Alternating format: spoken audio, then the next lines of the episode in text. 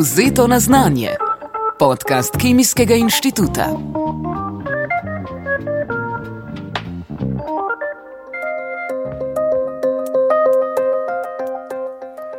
Pozdravljeni. Danes bomo spregovorili o lesu kot materialu prihodnosti. Natančneje o perspektivni rabi lesne biomase.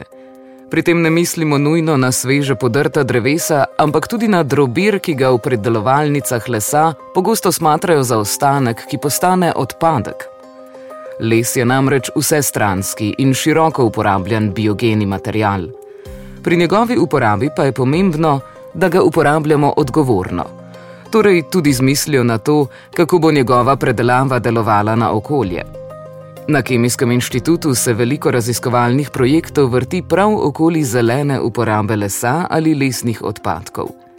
S tem področjem se ukvarjata tudi naši dve današnji gosti, dr. Edita Jasjukajtite Grojzdek in doktorantka Tina Ročnik Kozmel, obe z odseka za katalizo in reakcijsko inženirstvo. Njuno raziskovalno področje je pretvorba biomase v raznovrstne gradnike. Ukvarjata se predvsem s pretvorbo lesne biomase v uporabne kemikalije. Eden od projektov, s katerimi se ukvarjata, je denimo Green Loop, o katerem nam je več povedala dr. Jasju Kajtite Grojstek. Ta projekt je pravzaprav namenjen uh, ustvarjanju nekakšnih uh, teh novih poti za izdelavo pač izdelkov, ki bi vsebovali čim večji delež tistih bioosnovanih materijalov, in hkrati bi bili tudi imeli možnost recikliranja, se pravi ponovnega, ponovne uporabe. No. Zdaj v samem projektu so, je začrtana pot za izdelavo treh izdelkov. Mi smo vključeni v izdelavo konkretno tistih panelov, kjer se ugradi lignin, panelov, ki se uporabljajo v gradbeništvu in tam se ugradi lignin, ki v bistvu njegova funkcija je pa izboljšati lastnosti gorljivosti oziroma um, narediti um, manj goreče te panele. No. Številnih uporab lesa si skoraj ne moremo zamisliti. Na univerzi v Marylandu so ga denimo spremenili v prosojen material. Poznamo pa že več stolpnic, ki so jih zgradili povsem iz lesa. Je torej les res material prihodnosti? Vsekakor je tako, ker uh, že tudi v zgodovini je predstavljalo eden od uh, tistih najbolj trdih materijalov, ki je bil eden od glavnih materijalov za gradno. Uporabljenih in uh, zdaj je tehnologija so tako že napredovale, da v bistvu tudi les nam omogoča pridobivanje različnih kemikalij. Ali obstaja strah, tako kot s fosilnimi gorivi, da bomo začeli pretirano izkoriščati lesno biomaso. Vsekakor zmernost je vedno bila prava pot. Ja. Je pa res, da recimo pri različnih obdelavi lesa nastane nekaj lesnega odpadka, ki ga v bistvu lahko mi tudi uporabljamo in predelamo kemikalije. Ni zato potrebna uh, izsekavanje gozdov, pretirana, izsečnja uh, gozdov, ampak lahko se v bistvu uporabi tudi vejevje, ki, ki nastane v vsakoletnem oblikovanju dreves, v javnih parkih, ob cestah, pri raznih podjetjih, ki imajo tudi uh, drevne nasade, se lahko tudi to vejevje uh, uporabi. Ne na zadnje je pa tudi um, pač les je um, obnovljivi uh, vir.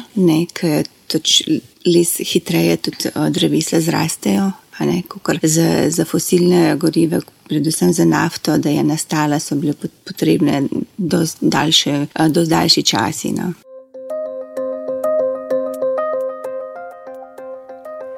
Kje konkretno dobijo les za projekte na Kemijskem inštitutu? Verjetno ne pobirajo vejevja kar v okolici. Zdaj, za naše projekte, konkretno, se pravi, mi delamo v laboratoriju. Ne? To ne gre zdaj za neke večje pilotne reaktorje, ker potrebujemo za eno šaržo, za eno reakcijo 10-100 kil, ampak jim pač izvajamo raziskave v laboratorijskem nivoju. In trenutno v laboratoriju imamo prav dve vreči, ki smo si jih pripeljali od, od enega mizarja, konkretno. Za njega je to pač odpadek, ki on v bistvu niti ne vem, kam naprej, ali bo odpad vrže, ali pač ne vem, kaj on dela. Ampak konkretno zdaj v laboratoriju imamo tako. No. Pa je odvisno, katera vrsta lesa je. Se potem vaši rezultati spreminjajo, glede na to, ali imate smreko, bor, lipo. Sigurno je, je razlika v tistem izoliranem ligninu, strukturne so razlike, ki so potem pomembne, so tudi za pač naprej pridobivanje kemikalij. Takrat že gledamo pač strukturo same molekule in so razlike. Niso bistvene, so pa dovolj pomembne no, razlike.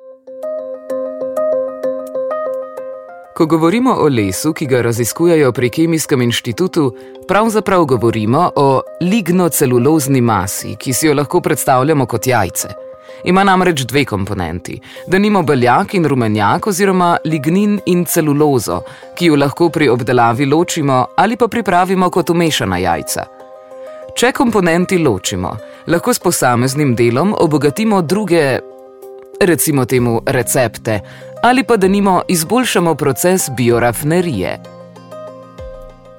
Mi trenutno samo poskrbimo, da ko začnemo obdelovati lignocelulozno biomaso, poskrbimo, da je iz enega vira, tako naprimer, da obdelujemo samo ali trdi les ali mehki les. Hkrati si pa v bistvu, ko samo presejemo, da dobimo določ, primerno velikost delčkov lignocelulozne biomase, da lahko mi, da imamo maksimalni izkoristek predelave in obdelave. To pomeni, da morajo biti dovolj majhni ali dovolj veliki delci? Trenutno v laboratorijskih raziskavah dovolj majhni kakšen je potem postopek? Kaj potem po tem presejanju pravzaprav naredite, da pridete do končnega rezultata, do komponent, ki jih želite dobiti iz biomase? Ja, najprej uh, lignocelulozno uh, biomaso pripravimo za obdelavo v visokotemperaturnih in visokotlačnih reaktorjih. Torej, prenesemo biomaso v reaktor, prelijemo z željenim topilom, ponavadi za največ se poslužujemo organosolv postopka, torej uporabljamo organsko topilo. Večinoma etanol v kombinaciji z vodo, dodamo kislino, ki katalizira a, cepitev v vezi v lignocelulozni biomasi, torej da potem po postopku dobimo ločene komponente a, biomase, kot so celuloza, hemiceluloza in lignin. Trenutno mi dve uporabljava samo lignin, ki se ga lahko potem nadaljno obdela, lahko preko cepitve a, vezi v ligninu, torej z depolimerizacijo, lahko se pa lignin tudi uh, samo preoblikuje oziroma tretira, da dobi drugačno funkcionalnost kot funkcionalne skupine znotraj molekule. To je pa potem odvisno glede na aplikacijo in končno, končni produkt, kaj je v bistvu od produkta zahtevano, da mi imamo. Ali potrebujemo manjše gradnike, torej lignin ne polimeriziramo, ali pa potrebujemo drugačne funkcionalne skupine v uh, strukturi lignina in lignin funkcionaliziramo. Lignin, o katerem je toliko govora, je izraz preveden iz latinščine, saj v tem jeziku lignum pomeni les. Največ ga namreč najdemo v lesu. Med organskimi snovmi pa je eden najbolj odpornih na biotsko razgradnjo. Visoko lignificiran les je trajen in kakovosten material, ki se ga lahko uporablja za široko uporabo. Predstavlja pa lahko tudi odlično gorivo, saj pri gorenju sprošča več energije kot denimo celuloza. Prvič naj bi ga komercialno uporabljali že leta 1927, torej skoraj sto let nazaj. Zakaj pa se še lahko uporablja?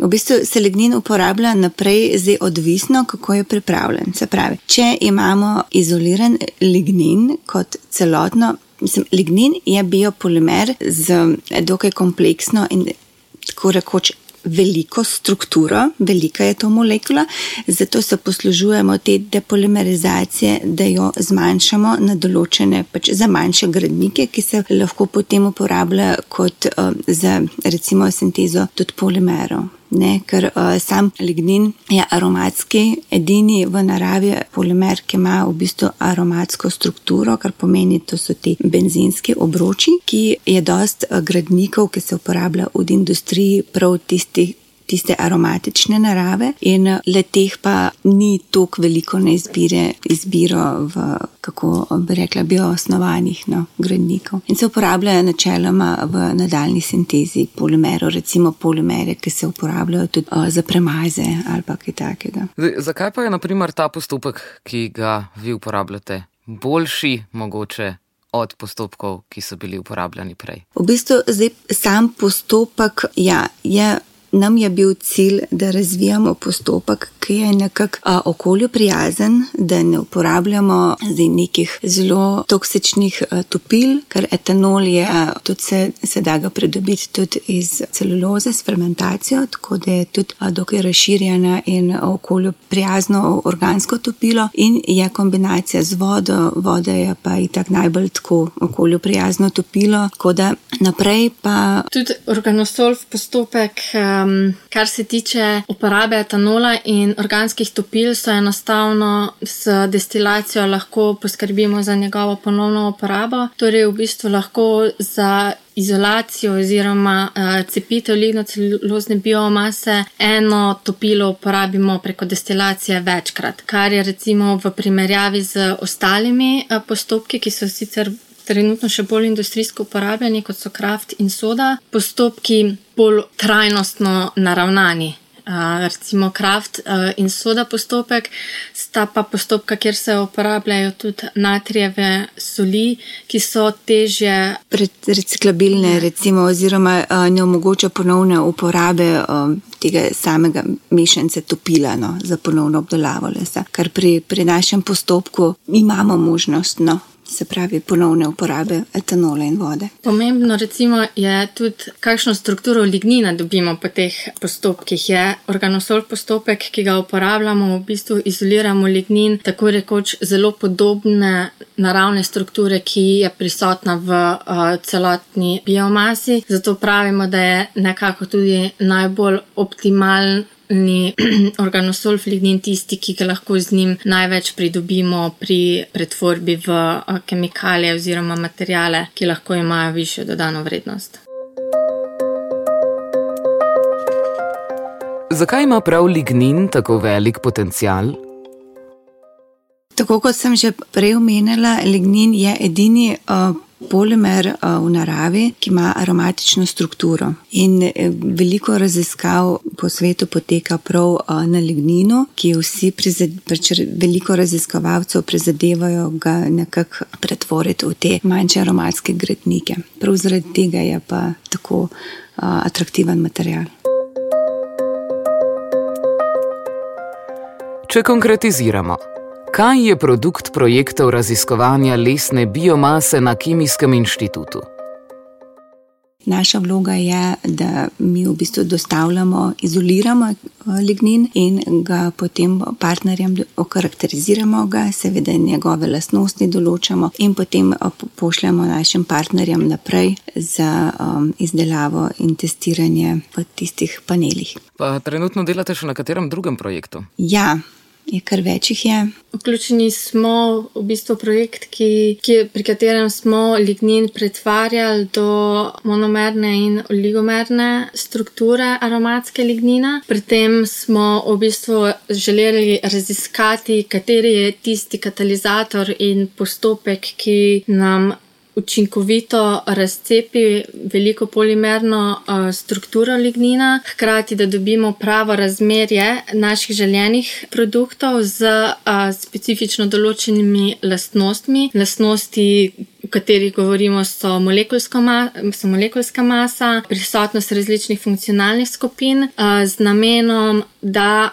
lahko pridobimo zmes, ki je nadaljno uporabljena oziroma delno uporabljena pri uh, formulacijah epoksi in fenolformaldehidnih smol. Naš projekt v bistvu zaradi velike strukture in kompleksne strukture lignina smo začeli študijo na manjših, uh, v bistvu modelnih komponent lignina, katero smo prenesli potem na lignin in raziskali, kako lahko lignin primerjamo tudi z modelnimi komponentami lignina, pri tem smo si pa pomagali z matematičnimi opisi uh, reakcij, ki se dogajajo pri različnih tlakih in temperaturah.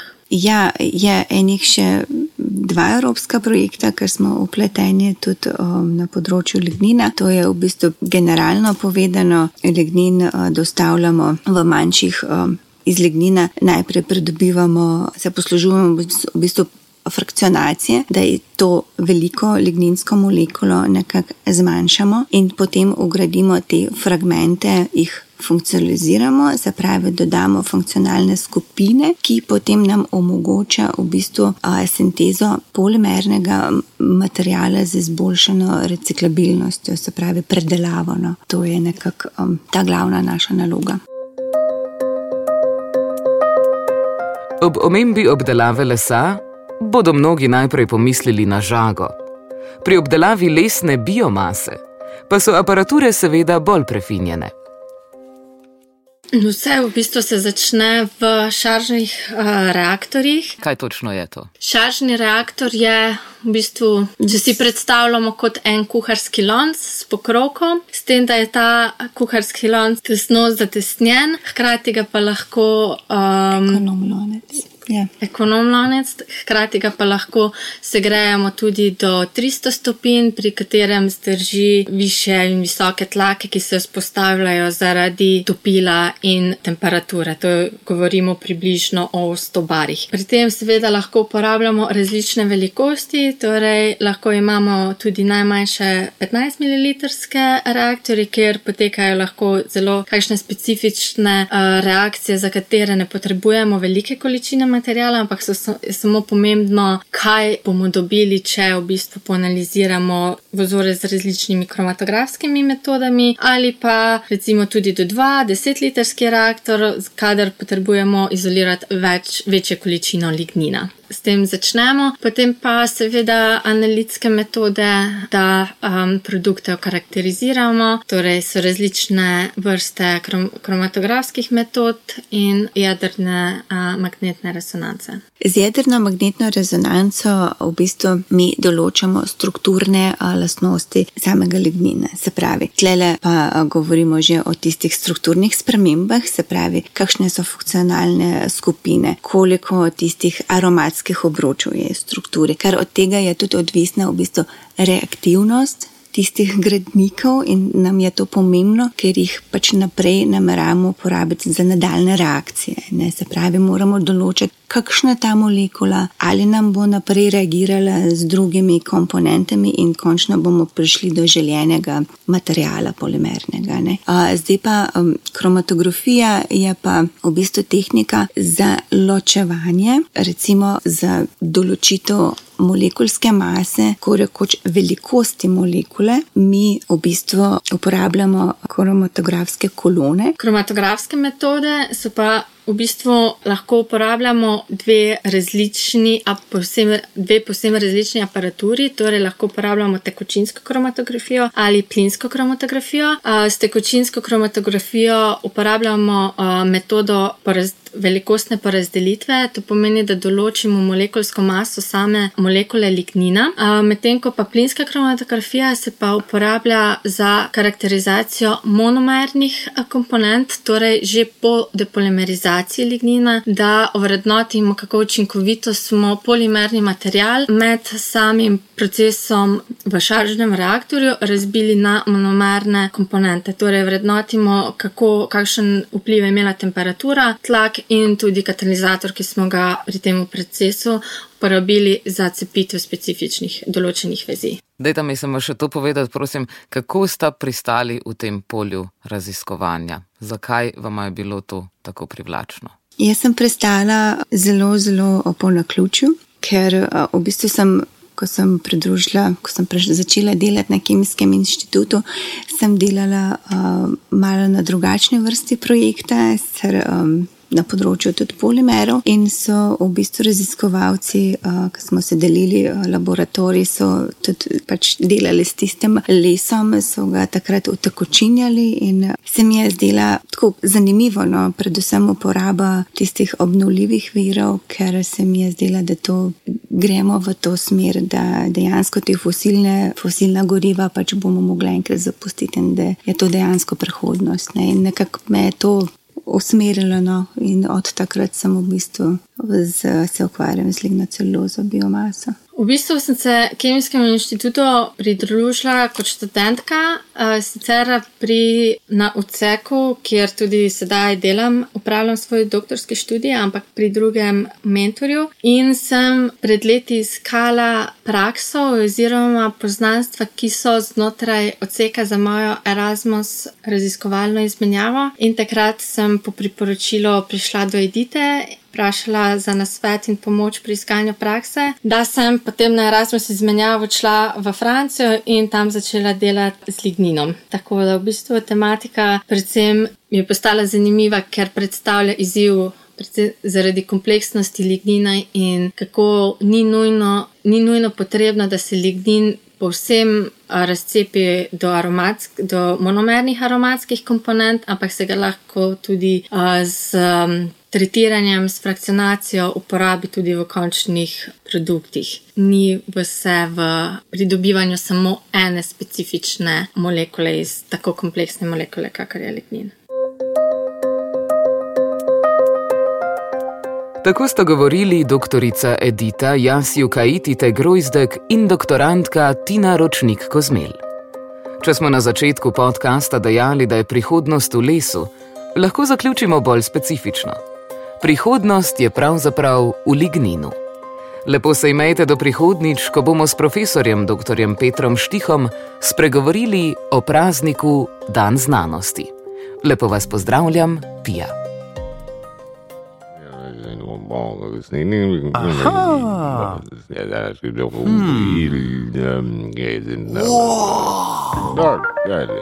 Vzeto na znanje. Podcast Kemijskega inštituta.